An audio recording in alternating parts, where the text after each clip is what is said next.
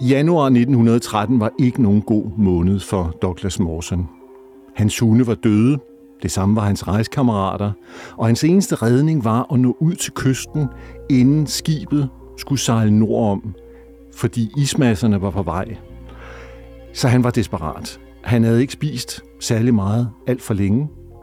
Han var forgiftet, uden at vide hvorfor. Hvad det var, der gjorde, at han havde mavekramper, diarré, og øh, at hans hud faldt af. Og samtidig var han ved at blive sniblind, så det var svært for ham at se det her kraftige lys. Så han træskede videre lige så stille, mens han opdager pludselig til sin forfærdelse, at hans hæle ligesom siger svup, svup, svup. Han sætter sig ned og kigger, og ganske rigtigt, begge hele er faldet af, altså selve kødet på det, han træder på, trædepuden, er gået i stykker. Der er ikke andet at gøre end at klappe det sammen igen med noget lanolin og øh, tage de fem par sokker på, og så, øh, så træsker han videre i et forsøg på at redde sit eget liv.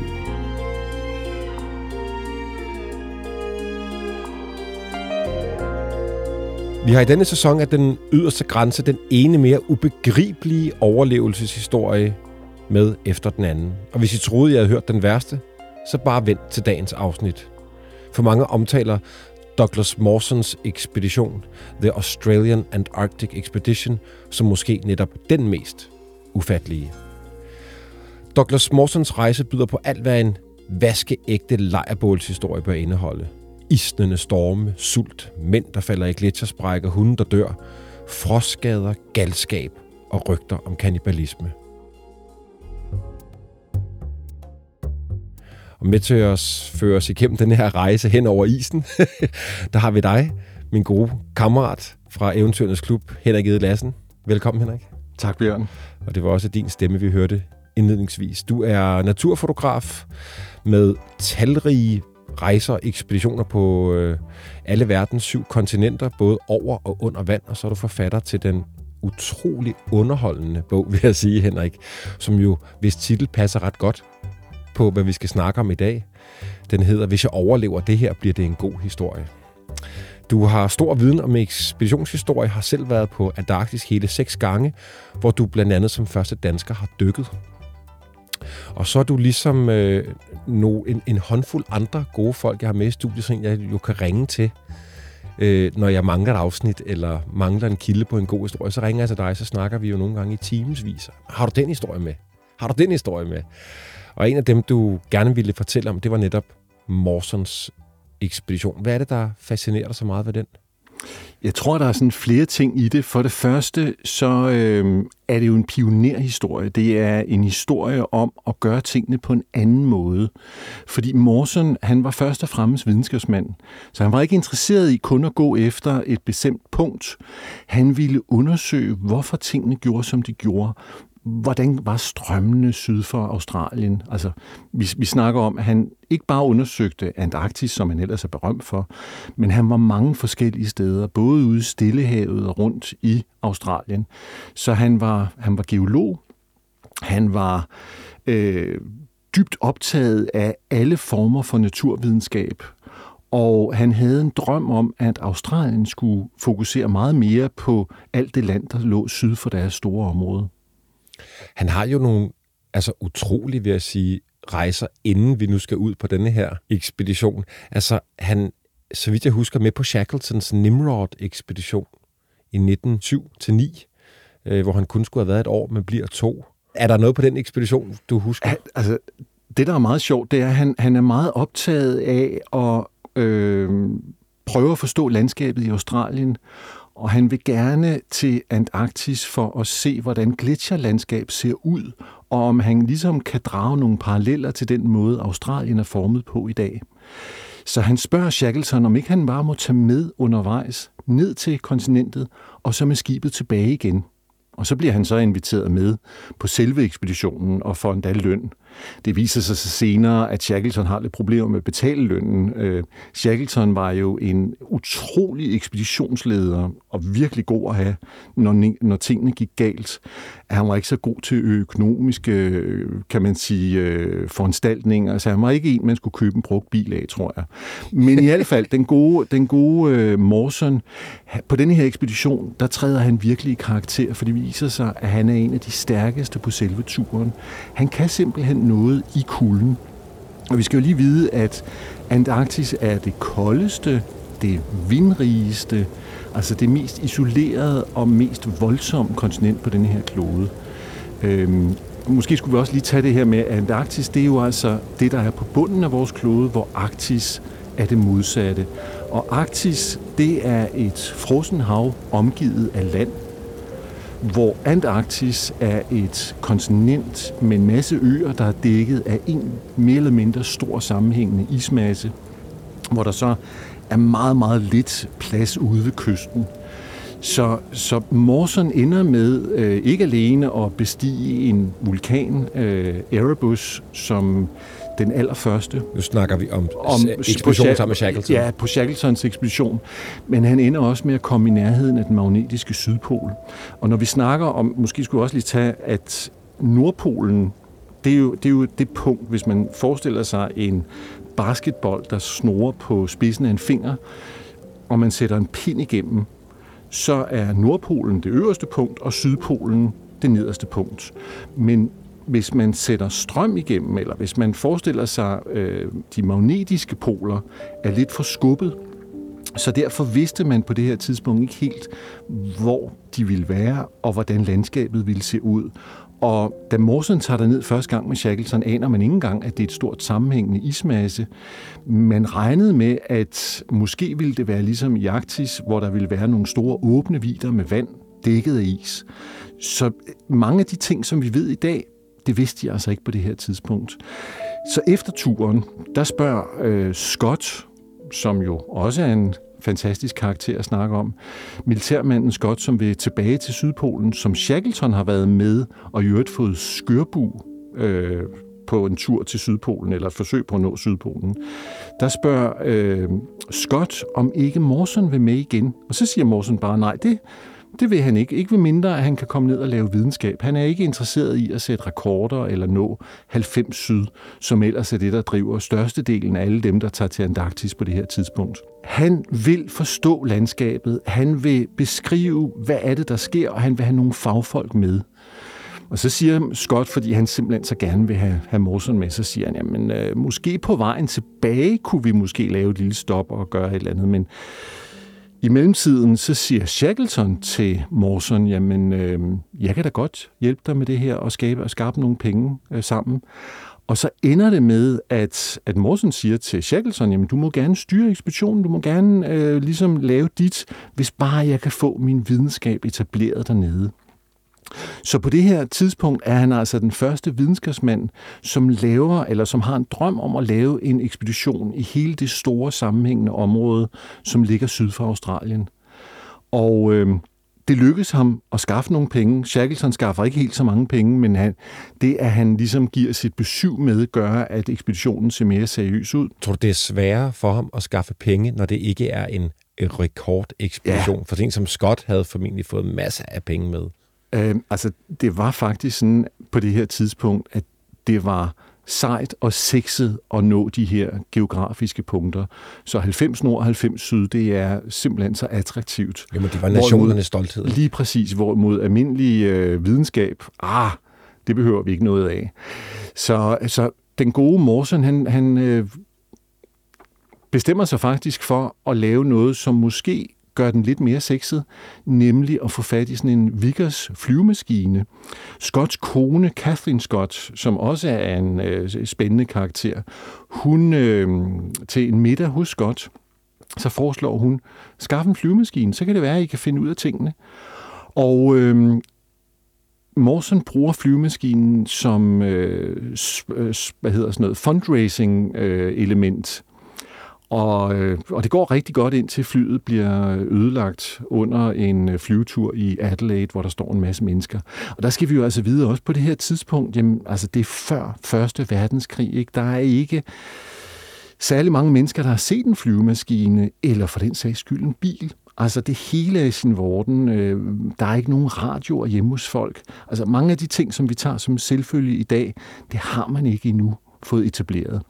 Så, så det, at, at øh, Morton alligevel får samlet pengene sammen, og det er sådan et kludetæppe af sponsering, så der både er statspenge, der er private fonde, der er firmaer, alle mulige stykker i kassen, og til sidst får han råd til at, at købe en valfangerbåd, eller sådan en sælfangerbåd, som hedder, øh, som de kalder Aurora, efter øh, sydlyset i stedet for nordlyset, Aurora Australis, og så, øh, så tager de afsted. Og, hvad, hvad øh, ved vi om rejsen derned, Henrik? Jamen, vi ved, at øh, Morson beskriver allerede på sin første tur med Shackleton, at han er rigtig, rigtig dårlig til at sejle. Han er simpelthen så søsyg, så han ender med at sove i redningsflåden og øh, kaster op, indtil han bliver reddet af en af sine venner, som giver ham en dåse med lidt øh, pære i. Øh, så det er han øh, med det samme, da de sejler afsted fra Australien, øh, fra Hobart, nede ved Tasmanien, da de få timer er ude i åben hav, så kommer stormen, og Morsom bliver søsyg igen. Og det er jo sådan, at, at man kan ikke rigtig beskrive på dansk, hvor voldsomme bølger der er rundt om Antarktis. Men hvor man i Arktis jo har noget land, der ligesom bremser vinden, så havet ikke piskes alt for meget op, fordi en del af havet henover øh, øh, sommeren på det her tidspunkt er isen, is, hvad hedder sådan noget, isdækket, så er det begrænset, hvor store bølger der kan være op nordpå, selvom vindene også er voldsomme. Men på Antarktis har vindene frit løb hele vejen rundt om kontinentet. Det samme har strømmene. Og man kan altså have situationer, hvor vinden kommer fra en side, bølgerne kommer måske fra en anden side, og strømmen også trækker. Så det tager dem ni dage at nå ned til Macquarie Island, som ligger øh, cirka halvvejs til Antarktis. Og øh, de er mere døde end levende. De har mistet adskillige hunde. Når man er ude i åben sø, så vipper skibene jo så meget, også på det her, altså selv den dag i dag, at man bliver slynget rundt. Man risikerer at få døre, øh, der smækker så hårdt, at man øh, mister fingre, eller man slår sig på forskellige måder. Så det, det er super farligt, hvis kasser river sig løs og kommer i bevægelse, så går ting i stykker, man får måske knust et ben. Og der skal vi jo også vide på det her tidspunkt, der er jo ikke nogen lægehjælp. Der er ikke nogen mulighed for at evakuere. Man snakker om, når man sejler mod Antarktis, selv den dag i dag, hvor det er øh, lovpligtigt at have en læge ombord, at der er et punkt, der hedder the point of no return. Ligesom når man skal i rummet, man kan ikke bare vende om, man kan ikke komme hjem. Så hvis man får nogle skader, mister sit ben eller et eller andet den stil, så er det virkelig, virkelig alvorligt. Så de når der ned, men under nogle hårde omstændigheder. Øh, hunden er faldet over bord, og der er flere folk, der også har været ved at falde ombord. Men fotografen på turen, Hurley, Ja, ej, hvor er det godt, du øh, siger han, det. Ham skal vi have talt om. Ja, han, han træder i karakter. Han kravler op i masten på et tidspunkt, hvor stormen er aller værst. Jeg kan simpelthen ikke forestille mig et værre sted at være. Og så filmer han landskabet og de her skumsprøjt og hvad der ellers er. Øhm, og det giver respekt, fordi øhm, det er lidt en, øhm, en anden udgave af Hurley, end den udgave, Hurleys mor havde givet til Morsen. Fordi det øjeblik, hun hørte, at Morsen øh, skulle have ham med, så skriver hun til, til, øh, til Morsen, at det er ikke så godt, at hendes søn kommer afsted, fordi han har faktisk store problemer med sine lunger. Øh, men vil du ikke være sød ikke at fortælle ham, at, øh, at jeg har skrevet det her brev til dig. Det gør, at, at Morsen faktisk øh, meget reelt får tjekket hans lunge øh, tilstand og øh, finder ud af, at det er fup, det moren har fundet på. Så, så Hurley øh, er en af mine helte på den her tur, men altså, der er mange spændende karakterer. Jamen, jeg er så glad for, at du lige nævner ham, Henrik, fordi ja. han, han, han, er jo, han er jo også australier, ung, da han kommer med, og de billeder, han tager, ja. er jo helt ufattelige. Og så mens vi er ved Hurley, vi, mm. vi skal måske også snakke om nogle af billederne, ja. så skal vi lige høre Hurley i stedet for vores gode øh, producer og lydmand Christoffer har fundet lyd på Hurley. Ej, hvor Hvor fedt. han øh, fortæller om, øh, hvad det egentlig var, ekspeditionen skulle, og at han blev udvalgt af Mawson. Wow. Det kommer her. This happened half a century ago. And well do I remember the day back in 1911 when I applied to fill the vacancy of official photographer to the Mawson expedition. The Mawson expedition was the first Australian expedition to Antarctica, and I think that everybody who carried a camera applied for that job.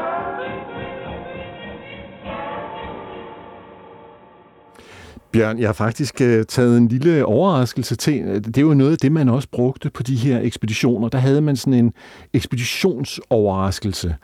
Nogle havde instrumenter med, nogle havde malergrej, hvad ved jeg, sjove ting, som kunne være interessante. Og det er, noget, det er faktisk en tradition, som rigtig mange moderne ekspeditioner også har med, at man har en lille overraskelse. Min overraskelse i dag, det er det her billede. Nej, hvor er det flot. Det er faktisk Hurley i aktion. Er det til studiet her? Eller? Nej, dog.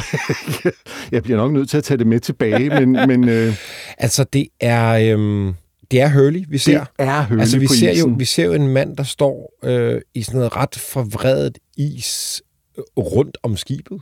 Så skibet er ligesom øh, tættest på kameraet. Så står der en mand på øh, et par meters afstand med det her kæmpe store, jeg vil sige gammeldags fotografi på, hvad hedder det? Hedder det en træfod?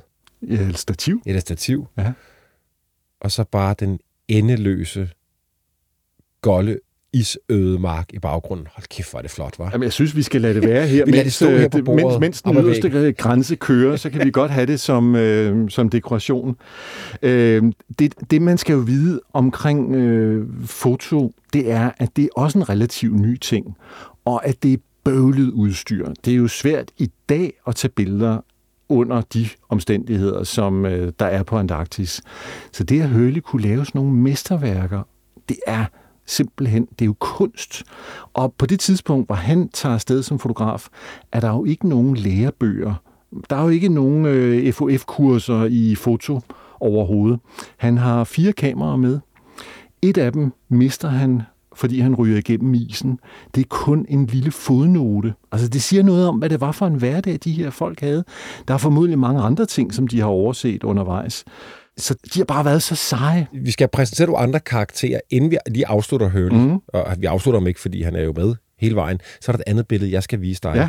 Jeg vil sige, nu har jeg set rigtig mange ekspeditionsbilleder efterhånden. Det her, det er top 3, top 5. Og hvis vi en dag skal lave en ny Den Yderste Grænsebog, så bliver det her forsiden. Prøv lige at fortælle, hvad det er for et billede, jeg viser dig her. Det her det er et billede, som Hurley har taget af øh, en meteorolog, der er med, som hed Cecil Madigan. Og efter sine havde han altså åbenbart, efter at billedet bliver taget, kun været ude kort tid for den hytte, de får bygget. Altså, det er et ufatteligt billede, Ja, men Henrik. det er jo en mand, der er fuldstændig frosset ene. Øh, han har hætte på, og foran hætten kan man se, hvor, hvor meget is og sne, der har været i, i, øh, i det område, han har været ude i. Øh, de ender jo med at komme ned til øh, Antarktis. Vi kan godt tage nogle af de andre folk også, men de ender med at komme ned til Antarktis på en solskinsdag, hvor de kommer ind til kysten, og der er helt stille, masser af dyr, smukt. De er de første, der laver landgang det her sted, og de tænker bare, det her, det er en oase. Hvad de ikke ved, det er, at det er det vindrigeste punkt på Antarktis, og det vil sige formodentlig på hele kloden. Jeg kan godt forestille mig, at der er meget vind omkring toppen på øh, K2, men når vi er nede i havmeniveau, så er det voldsomt. Så det er sådan nogle fynvinde, altså det man oppe i, øh, i Grønland kalder piterak, hvor øh, når luften rammer noget, der er meget koldt, så bliver den tungere, og så begynder den at rushe med tyngdekraften nedad.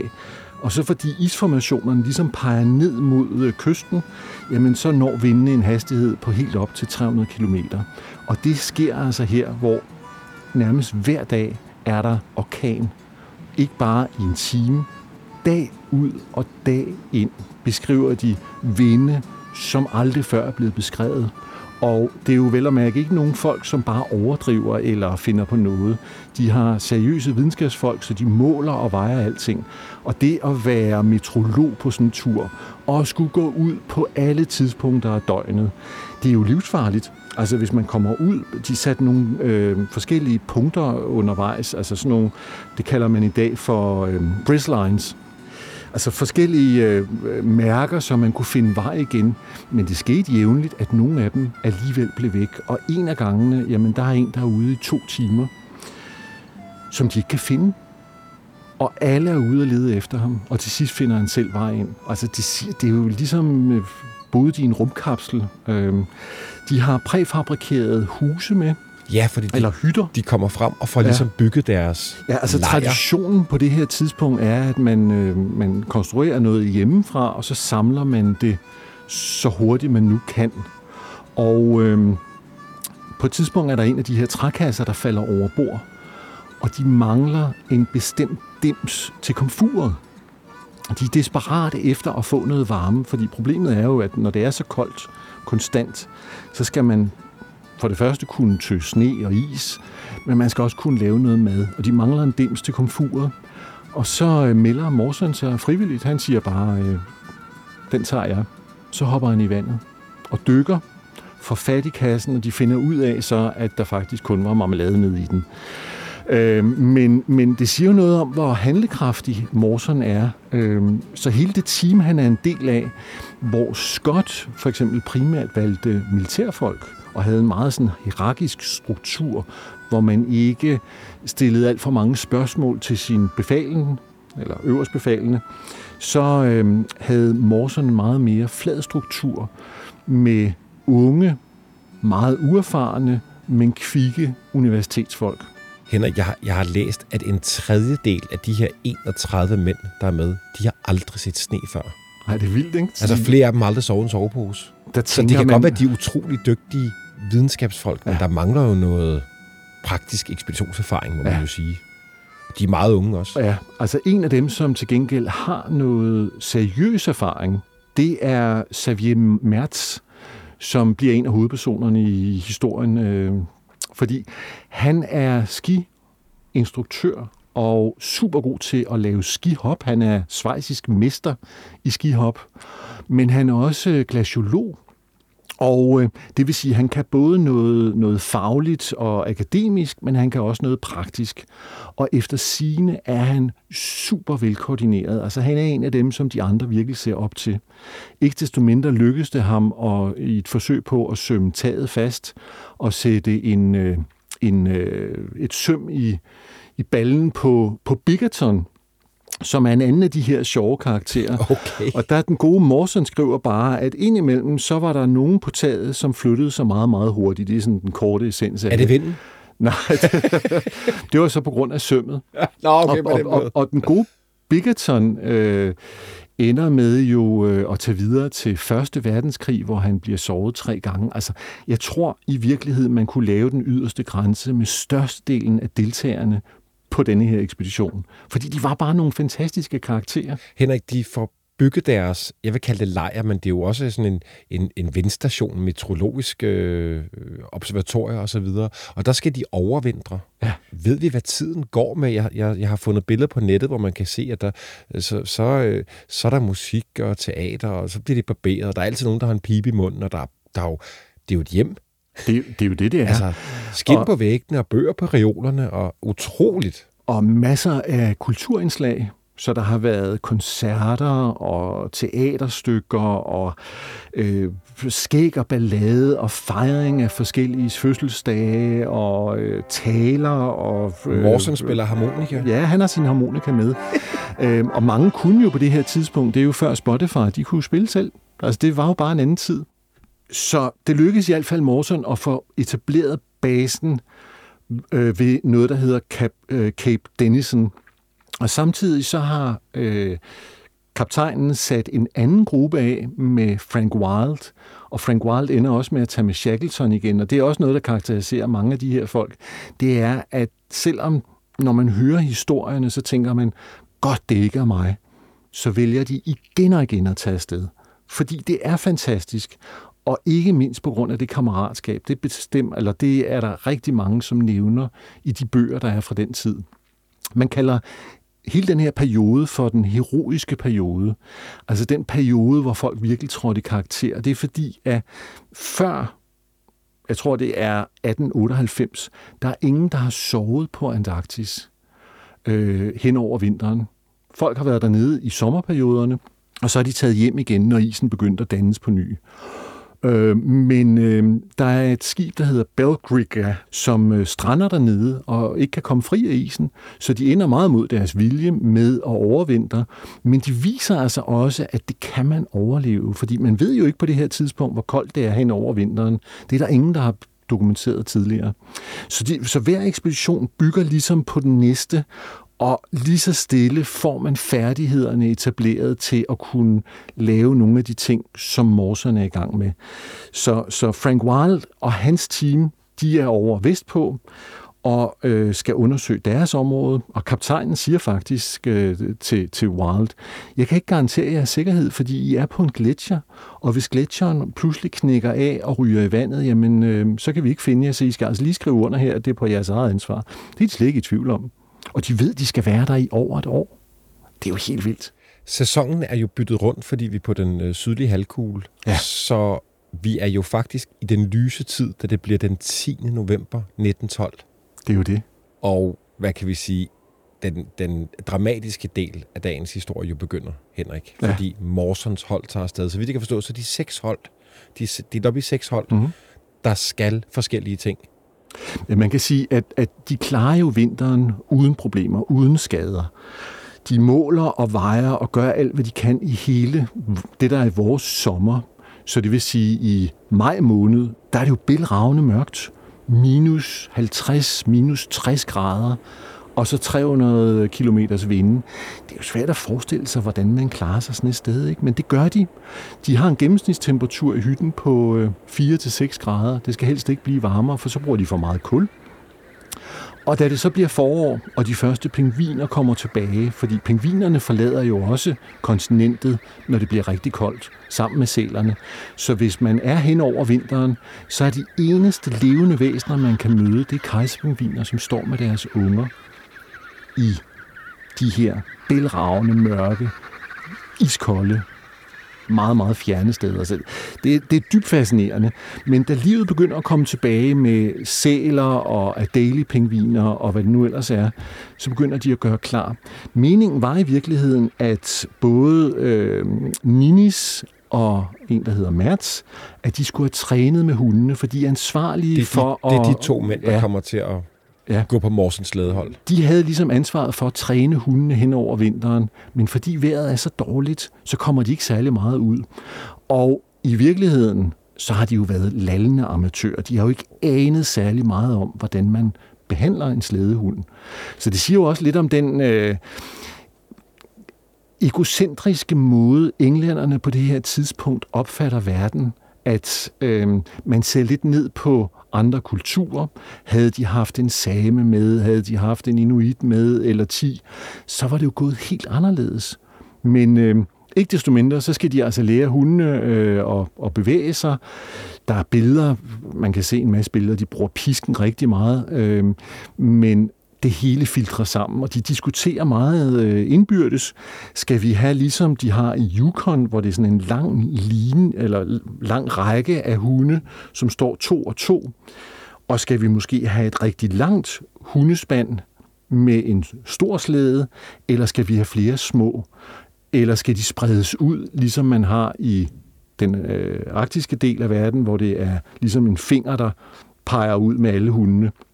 Så der er sådan forskellige strategier, og de tester det hele, og det går dem ikke særlig godt. Men ikke desto mindre, i november måned bestemmer de sig for at tage afsted. Morsens slædehold er jo ham selv. Så det er Mertz, den svejsiske skihopper, som jo efter sine også skulle være en rigtig dygtig skiløber og den største atlet overhovedet. Mm. Så han er jo en god mand at med. Og så er der med Belgrade Ninis, som jo, jeg kan forstå, er meget vældigt britisk soldat, meget ung. Mm. Han har et øgenavn, jeg kan ikke huske, hvad det er, men han er sådan næsten, næsten babyface. Ja, han, han, han ser meget ung og uskyldig ud. Øhm, og i virkeligheden så er Ninit og, og Mertz blevet bedste venner. De er hele tiden sammen. Så, øhm, så det er et godt team i virkeligheden med, med Morson som øh, ekspeditionslederen, og, og så de to hundefører, som efter sine skulle være de bedste. Derfor har de også valgt den mest ambitiøse rute, og tage langt øst på, som overhovedet muligt igennem et landskab, som ingen mennesker har set tidligere. Det er fuldstændig ukendt land. De aner ikke, hvad der er overhovedet. Hvad skal de, Henrik? De skal måle området op og erklære det som værende en del af det britiske imperie. Det er en ting. Men de skal også lave kort, de skal lave øh, målinger på metrologi, på alle de forskellige fysiske ting, som de nu har overskud til. Øh, de skal dokumentere, hvad er det egentlig, der er her? Altså, hvordan løber gletsjerne, og hvordan ser landskabet ud? Er der måske pludselig et område, hvor der ikke er is. Øh, man har på Antarktis i dag, Antarktis i dag nogle tørre dale, som ligner sådan noget fra, fra månen eller fra Mars i virkeligheden, hvor der slet ikke er nedbør overhovedet. Øh, de ved ikke, hvad det er, de skal finde, men de skal ud og undersøge det. Og frem for alt, så øh, har de en tiltro til, at hver kilometer vil give dem nye informationer, så de kan lave et samlet kort over hele det sydlige område, som ligger stik syd for Australien. Så det er jo øh, en meget sådan, stor opgave, det er meget ambitiøst, og, øh, og de tager afsted i godt humør, selvom de har store problemer med, med storm og vind, så, eller selvom de har store udfordringer med, med vejret, så, har de, øh, så tager de cirka 30 km om dagen med hundene. Og det er jo, det er jo super flot faktisk. Øh, jeg, jeg husker det efter fem uger, at der i hvert fald der sker noget, der... Hvad kan vi sige, Henrik? vi kan sige, at øh, det går fra slemt til værre. Ja, fordi det meget er, slemt. Da de når cirka 500 km væk fra, fra basen, eller nej, 480 km, så bestemmer de sig for at lave et lille depot. Og øh, og så tænker vi, vi tager lige en let tur, kort øjeblik, og ser, hvor langt vi kan komme, og så vender vi om, og så ser vi, hvad vi ellers finder ud af. Fordi de har ikke rigtig besluttet sig for, hvilken vej de vil retur, så de har ikke lagt depoter ud. På det her tidspunkt diskuterer man jo også øh, mange steder, ikke i Højarktis, hvor de lokalt jo øh, ved en masse om, hvordan man gør, men blandt ekspeditionerne diskuterer man, hvad er egentlig den bedste måde at bevæge sig på. Englænderne, de slår meget hårdt på, at man skal trække slæderne selv. Det er heroisk. Hvorimod det at få hundene til det, ah, det er altså noget værre pjat. Men Morsen, han erkender jo undervejs, da han ser, at hundene kan trække så meget, at det faktisk måske slet ikke er sådan en dum måde at gøre det på. Og Mertz, han slår meget på, at man skal bruge ski. Hvilket jo giver god mening, hvis man kan stå på ski, men er man englænder, som aldrig har været i nærheden af is eller sne, eller for den sags skyld Australier, så er ski måske ikke første øh, og, og bedste løsning. Og derfor er der mange, der slår på, jamen ski, det er heller ikke nogen god løsning. I dag ved vi jo, hvordan tingene skal være, ikke? Men, men vi skal vide, at for at komme de 500 km ud, har de jo krydset adskillige gletsjere, og de har krydset nogle af de områder, hvor to forskellige gletsjersystemer rammer hinanden, og dermed er isen brudt op på forskellige måder med gigantiske gletsjerspalter. Antarktis er jo verdens højeste kontinent, øhm, men jeg tror en gennemsnitshøjde på 2,5 km. Så det vil sige, når de har forladt kysten, har de bevæget sig opad på mere og mere mere is, og jo mere is der er nedenunder, og det er sådan, hvis man fjernede al isen på Antarktis, hvis man smeltede den i morgen, så ville vandet på hele kloden stige med cirka 60-70 meter. Så 90 procent af al vores ferskvand er nede på Antarktis. Altså det er enorme mængder, der ligger dernede. Og det vil sige, at isen trykker kontinentet nedad, og hvis man fjernede al isen, så ville man i virkeligheden se, at det ikke er et sammenhængende kontinent, men mere nogle øer, sådan en slags ørige, der er forbundet af den her gigantiske is. Så undervejs på vej ud på de her 500 km, der har de altså røget flere gletsjerspalter undervejs. De har været tæt på at miste både deres hunde og dem selv. Og problemet er jo, at de har ikke nogen måde at kommunikere på med resten af verden. Så hvis de forsvinder alle sammen på én gang, så er der ingen, der vil vide, hvor de i virkeligheden er. Og Henrik, du, du siger jo, at, der er, at de falder i flere sprækker. Det er jo også det, der så sker med Ninis på det her tidspunkt efter de fem uger. Ja, altså Morsen registrerer, at de krydser en, øh, en bro men det har de gjort så mange andre gange. En, glo, en bro over en gletsjer, altså et stykke is, hvor der er et hul nedenunder. Kæmpe hul. Men det er ligesom blevet rutine. Og han fortsætter over, og øh, pludselig står, øh, hvad hedder han, øh, Mats foran og kigger bagud. Mats er på ski, Morsen sidder på slæden og prøver at finde ud af, hvor de er. Og det er jo hele tiden noget med nogle udregninger, og hvor er solen i forhold til, hvor vi var i går, og så videre. Så, så han er lidt fraværende. Men da han kan se, at øh, Xavier Mertz kigger bagud, som om noget er galt, så kigger han også bagud. Og så er Ninis og hundene væk. Og det er jo en katastrofe, fordi for det første, så har de hele tiden troet, at den forreste slæde ville være den, der først ville ryge igennem isen. Det er jo egentlig også meget naturligt at tænke på. Derfor har de placeret alle de vigtigste ting på den bagerste slæde. Så deres to slæder er gået hen over broen, og der holdt den? De starter med tre slæder, men nu har de kun to slæder ja, tilbage, okay. så de har ligesom en ødelagt slæde lagt ved et depot lidt længere tilbage. Men, men det, der er specielt, det er, at Mertz har haft ski på, og morserne er på slæden. Men Ninis er løbet ved siden af uden ski eller snesko. Så han er formodentlig brudt igennem, og så er hele stykket brudt igennem, og så er hunde, slæde, mad, you name it, telt også forsvundet. Hvad sker der med Ninis? Jamen, de vender sig om, går tilbage, stærkt forundret, og så kan de se, at der ligger en hund og piver, og de kan se, at der er en hund, der er ved siden af, er død, og alle deres ting ligger i omkring øh, 40 meters dybde, men der er ikke skyggen af noget menneske eller resten af slæden. Så han er forsvundet nede i et hul, som kunne i teorien jo være mange hundrede meter dybt. De bliver i tre timer, hvor de, hvor de kalder på ham og forsøger at, at få kontakt. De har ikke noget ræb, der kan nå så langt ned. Så der er ikke andet for, at han på et tidspunkt besluttede sig for, at Morsen han holder en lille tale. Sådan en begravelsesagtig sag, og så, øh, så tager de hjem af. Så vender, de, så vender de om. Ja. Hvad har de tilbage? De har jo næsten ingenting, hvilket jo er pløkåndssvagt. Men ja, de, har sta- de har stadig hunde tilbage. De har seks hunde, men de dårligste hunde, de svageste hunde, de har, øh, hvad hedder det, mad til, jeg tror, to uger. Det er det hele. Så den aften, der giver de hundene nogle af de forskellige øh, skinting, som de ligesom har til overs, så de har lidt at spise. De har ikke noget med til dem. Der er ikke noget at gøre. Og så er planen jo så at ligesom spise de hunde, som dør af sig selv, og give nogle af hundene til deres kammerater. De er jo ikke sarte sådan nogle øh, slædehunde. Det er jo ikke sådan en lille øh, hyggehund. Det er jo øh, et, et arbejdsredskab øh, og nogle super seje dyr, som nemt kan spise en anden uden problemer og spise alt muligt andet også. Så, øh, så, så problemet er lidt, at, at øh, ja, nu skal de bare hjem. Og det, der også er omkring det her med hundene, det er, at øh, Scott samtidig, han er jo afsted, han har ponyer med, men han kan jo ikke finde hø til dem. Og øh, han finder også ud af, at pony er alt for tunge, når de skal hen over gletsjerspalterne. Så har det med, med at falde ned, hvor hunden er noget mere lette og, og mere bygget til den kulde, der er. Så, øh, så, så Morsen har på mange punkter gjort alt det rigtige, men det at fordele tingene på den måde der, det er ikke så smart. Du nævner, at øh, Ninis og Mertz var rigtig, rigtig gode venner. Ja. De hele tiden var sammen. Ved vi, hvordan Mertz reagerer på, at nu hans øh, altså, formentlig bedste ven jo Mertz er jo dybt knus, og med, med, med god grund.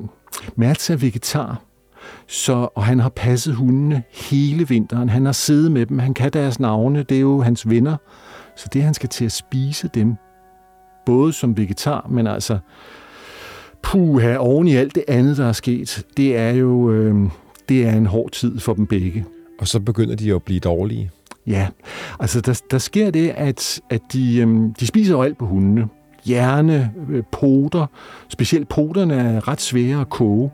Og øhm, det, der redder dem i virkeligheden, kan man sige indtil videre, det er jo, at de har øh, en øh, primus med, der virker, som kører på petroleum, og det har de også tilbage. Fordi havde de ikke haft det, så havde de ikke kunnet lave mad, og de havde ikke kunnet smelte sne, så de kunne få noget at drikke. Så det er det, der redder dem. Men efter 10 dage begynder Mats at blive dårlig. Han begynder ligesom at skalle huden af. Øh, han har nogle øh, sorte tær, og, øh, altså, hvor han har frost i. Og han kan ikke følge med. Og Morsen er sådan lidt, ej, det er altså nu, vi skal afsted. Vi skal redde livet det her, men, men Mats kan ikke og relativt hurtigt bliver han dårligere og dårligere. De holder juleaften sammen, hvor Mert skriver i sin dagbog, jeg håber, jeg kan holde mange juleaftener med min ven Morsen. Ej, det går jo lige Oh, hjertet, ikke? Øhm, Morsen ender med at trække den gode Mert, som jo ellers var i super god form og bumstærk. Øhm, så det, det er jo, der er jo noget galt. Øhm, fordi Morsen har ondt af Mert, så giver han blandt andet hundeleveren til ham, som er nemmere at spise end de her meget seje, senede stykker, der ellers bliver tilbage. Og øh, han ved jo ikke på det her tidspunkt, at hundeleveren er fyldt med A-vitamin, ligesom i øvrigt også øh, isbjørnelever er.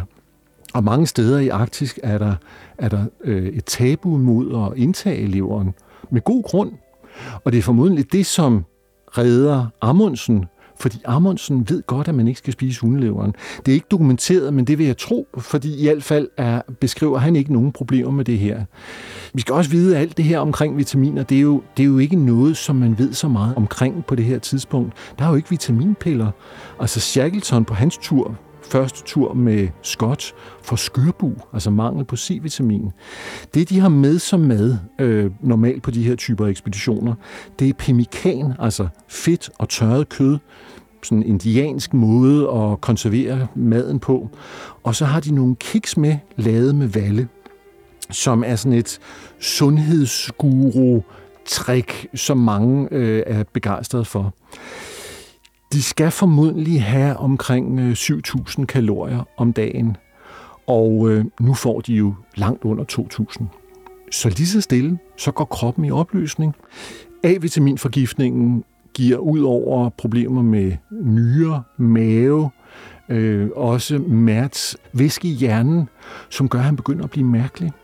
Altså, jeg, jeg har læst, at han bliver sindssyg. Ja, altså han begynder at sige ting pludselig, som Morsen undrer sig lidt over. Der var der noget mærkeligt noget, og øh, pludselig en dag, så kan han ikke mere.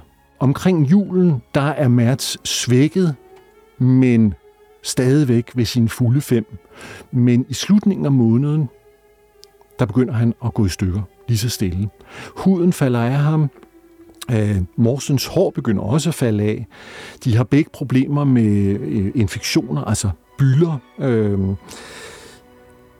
de har diarré. Øh, især Mats, formodentlig også fordi han er gået fra en primær vegetarisk kost til nu kun at leve af kød. Jeg har læst, at han begynder at spise af sine egne fingre. Ja, altså på et tidspunkt... Mertz. Ja, men det er virkelig uhyggeligt. De sidder i teltet, hvor han pludselig rejser sig op, og efter sigende, så siger han et eller andet med, at han har fået frost i sin finger, i sin lillefinger, og så for ligesom at bevise det, så bider han øh, fingeren af og spytter den ud.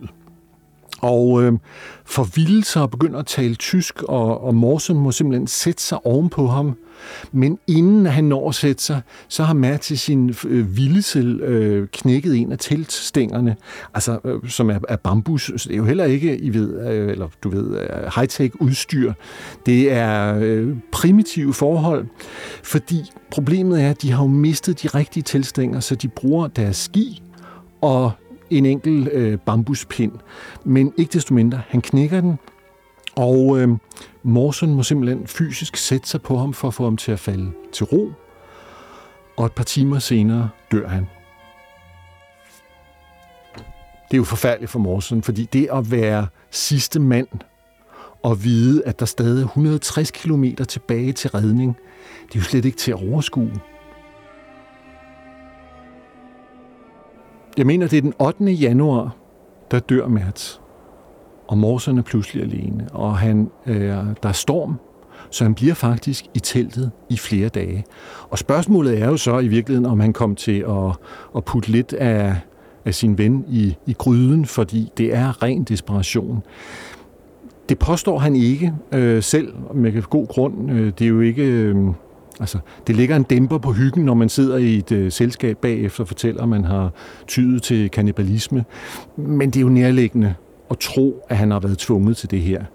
Øhm, og øh, ja, sådan er det. Han bliver i hvert fald nogle dage under stormen, og så træsker han videre og fortsætter med at spise hundelever, fortsætter med at blive mere og mere forgiftet, har diarré, alle mulige problemer. Han falder i et par gletsjerspalter, og i øh, en af de store spalter, han ryger igennem, der sidder slæden fast på tværs, så det er ren held. Og der hænger han så ned i selve spalten og forsøger at komme op. Og i første omgang, der når han faktisk op på kanten, så falder han ned igen. Altså, jeg kan ikke forestille mig noget værre.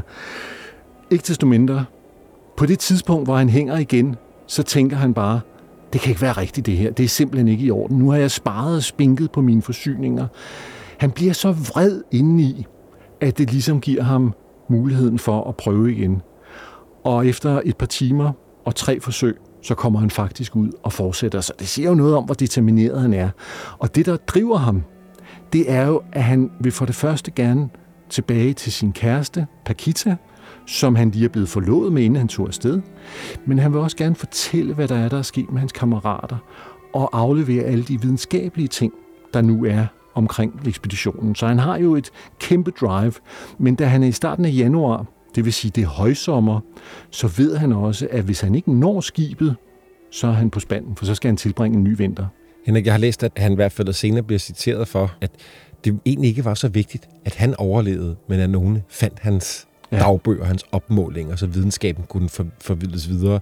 Der er også et, et, et meget smukt citat, jeg har fundet over, hvor han efter reflekterer, hvor han hænger i den der gletsjersprække og siger, det at blive ved med at leve, det er det hårdeste. Som er blevet sådan et meget berømt citat, ikke? Jamen det er det der, det er nemt bare at skære lederstroppen af og falde ned i dybet. Vi vil tilbage til den virkelig groteske scene, du startede dagens afsnit med, hvor hans hæle begynder at falde af. Ja. Hvordan i alverden fortsætter han? Han registrerer det, og så tager han sine fem par strømper på, og så fortsætter han lige så stille. Ikke? Men han er svækket, og det går langsomt. Men lige så stille nærmer han sig kysten. Han har jo faktisk haft et kamera med og film med. Ja. Så vidt jeg er orienteret, så er han nødt til at lade det ligge og efterlade det. Han har så efterladt... vi har ingen billeder fra, fra det her. Nej, desværre. Han har efterladt sine billeder, men han har også efterladt sine pisko, altså sin øh, stegejsen. Og øh, da han kommer tættere på kysten, begynder han at få store udfordringer. Øh, I virkeligheden har diskussionen jo været med Mertz, da Mertz lever, skal vi tage den korte rute ud til kysten, hvor der er mad og sikkerhed, men hvor det måske bliver svært for skibet at finde os? Eller skal vi tage den lidt længere rute hen over isen, hvor der ikke er mad, som vi kender, og som med sikkerhed vil kunne redde os, når vi når i mål ved hytten. Men alt det er overstået. Nu har han kun 100 km tilbage, og der er rigtig mange, der har været ude og lede efter ham. Alle de andre, de er jo seks grupper, der tager afsted. De fem af dem når tilbage i tide. Han mangler, og hans folk. Så de er ude og lede efter ham, og på et tidspunkt er der nogle af dem, blandt andet Hurley, vores superfotograf, der er ude og lave en varte, hvor de sætter noget sort stof omkring. Og så forlader de varten, men de skriver, hvor der er nogle ekstra forsyninger. Og den kommer Morsen til samme dag, som de har forladt den om morgenen. Altså, det er simpelthen så dårlig timing. Men det gør, at han finder vej til et punkt, som de kalder Aladdins hule, hvor der blandt andet er en frisk ananas. Nej. Og alt muligt andet. Og der bliver han så nogle dage, mens han fylder sig med alt, hvad han nu kan. Velvidende, at han jo ikke kan slappe af, før han når ud til kysten, fordi skibet risikerer at sejle fra ham. Og øh, han når til sidst ud til kysten, samme dag som skibet er sejlet. Fem timer efter, at skibet er sejlet. Han beskriver i sin bog faktisk, at han formodentlig, hvis vejret havde været klar, kunne se skibets røg i horisonten. Altså, det er forfærdeligt. Men der er gudskelov folk ja. tilbage på kysten. Det er sådan, at øh, man har lavet sten, saks og papir, fordi alle vil faktisk gerne hjem. Men øh, seks af dem er blevet tilbage, og øh, de kommer løbende imod ham, og bliver så overrasket at se, at Morsen har jo på det her tidspunkt tabt en tredjedel af sin vægt. Øh, så øh, de aner ikke, hvem det er. De kan ikke gennemskue. Altså, det her væsen, der kommer ud af isørkenen, er så forandret, at de spørger, hvem af dem er du? Og så siger han Morsen. Nej, og så bliver han bragt ind i hytten. Og øh, han øh, konkluderer senere faktisk, at måske reddede det hans liv, at han ikke kom ud og sejle med det samme, fordi han var så afm- eller udmattet og, og kvistet oven på alt det her. Al hans hud er forsvundet. Han har haft de mest forfærdelige smerter. Så han øh, kommer ind i hytten og øh, bliver forkælet, så godt det nu kan lade sig gøre. De ved jo, at det bliver en lang vinter. Skibet er sejlet, fordi de skal nå at hente Frank Wild, som er placeret ude på isen. Og de ved, at hvis ikke de kommer der, så øh, bliver han formodentlig aldrig reddet. Så, så Davis, kaptajnen, tager beslutningen. De prøver at telegrafere det skibet, men på grund af dårlig vejr, som der jo er konstant her, så kan skibet ikke vende om. Men Frank Wild og hans hold bliver reddet. Skibet sejler retur. Morsen tilbringer en ny, meget lang vinter formodentlig. Og på et tidspunkt skriver han faktisk i sin dagbog, at han tror, han er ved at blive skør. Fordi han kan ikke holde til det. Men han bliver heldigvis ikke lige så skør som deres radiotelegrafist Jeffries, som begynder at blive paranoid og har en idé om, at alle vil slå ham ihjel.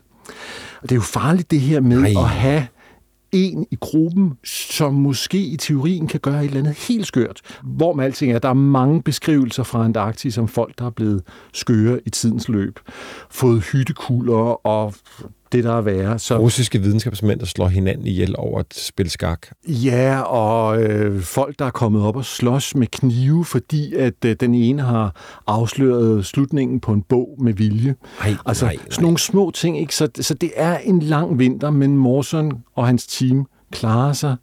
De kommer tilbage til Australien, og Morson bliver hyldet som den store videnskabsmand, han er. Jeg tror, hvis Morson havde været i studiet her i dag, så ville han ikke have haft lyst til at fortælle om den rejse, som jeg netop har beskrevet, men mere om alle de resultater, der kom ud af denne her enestående ekspedition. Fordi den dag i dag, øh, kan man sige, Australiens videnskabelige programmer bygger på Morsons måde at arbejde på. Og i dag er der stationer på Macquarie Island og alle de andre steder undervejs. Øh, Antarktis er blevet reddet, det er forbudt at dyrke minedrift, det er forbudt at have militær dernede. Så øh, Australien gør hævd på 42 procent af Antarktis. Og måske lige for at få en fornemmelse af, af størrelsen på Antarktis, det er cirka dobbelt så stort som Australien. Så det er jo et kæmpe sted. Og øh, det, at det er blevet reddet, det er jeg sikker på vil fryde den gode Morsen, der hvor han nu er. Og Henrik, afslutningsvis, så synes jeg, vi skal have, have nævnt, at Morsen jo faktisk kommer tilbage til Antarktis. Mm-hmm. Jeg kan ikke huske, hvornår det er. Jeg tror, det er i 30'erne. Altså man kan sige, den periode, som Morsons første og anden tur er på, det er den, som jeg nævnte før, der hed den heroiske, hvor udstyret simpelthen er så dårligt, og den viden, der er, heller ikke gør, at de har øh, nemt ved tingene. Men senere kommer der jo flyvemaskiner, bæltekøretøjer. I dag, når man bevæger sig hen over en gletsjer, er der radar, som kan se, hvor dyb gletsjeren er. Og i dag, der bevæger man sig rundt på scooter og alt muligt andet. Så det er derfor, jeg tænker, at det var virkelig heroisk, det de foreså. Så... Henrik, må jeg sige tusind tak for i dag. Selv tak, Bjørn. Det er altid så spændende, når du er med. Jeg håber, vi ses snart igen. Både her og andre gode steder. Det gør vi, Bjørn. Og så slutter vi af med Morsons egen stemme som øh, er fra en tale, han holder, da han genbesøger Antarktis, og så vidt jeg er orienteret, får lov til at opkalde land dernede. Det er måske en lille smule øh, knasende, men det vil bare være fint lige at få sluttet af med ham. Fantastisk. Tak, Bjørn. I, Sir Douglas Mawson, do hereby proclaim and declare to all men that from and after the date of these presents, the full sovereignty of the territory which we have discovered and explored south of latitude 64 degrees and as far as the South Pole, this in His Majesty King George V, his heirs and successors forever. Den yderste grænse er produceret af Bjørn Harvi og Christoffer Erbo Roland Poulsen fra 24 og Vores Tid. Redaktør er Rikke Karoline Carlsen. En særlig tak til Discovery Docs, BBC, Real Big Production og Australian and Arctic Division. Hvis du vil høre flere spændende historier om rejser, så lyt med på podcastserien Udlængsel, som laves af min gode kollega Nikolaj Sørensen. Find den og andre historiske podcasts på vores tid, eller der, hvor du normalt finder dine podcasts.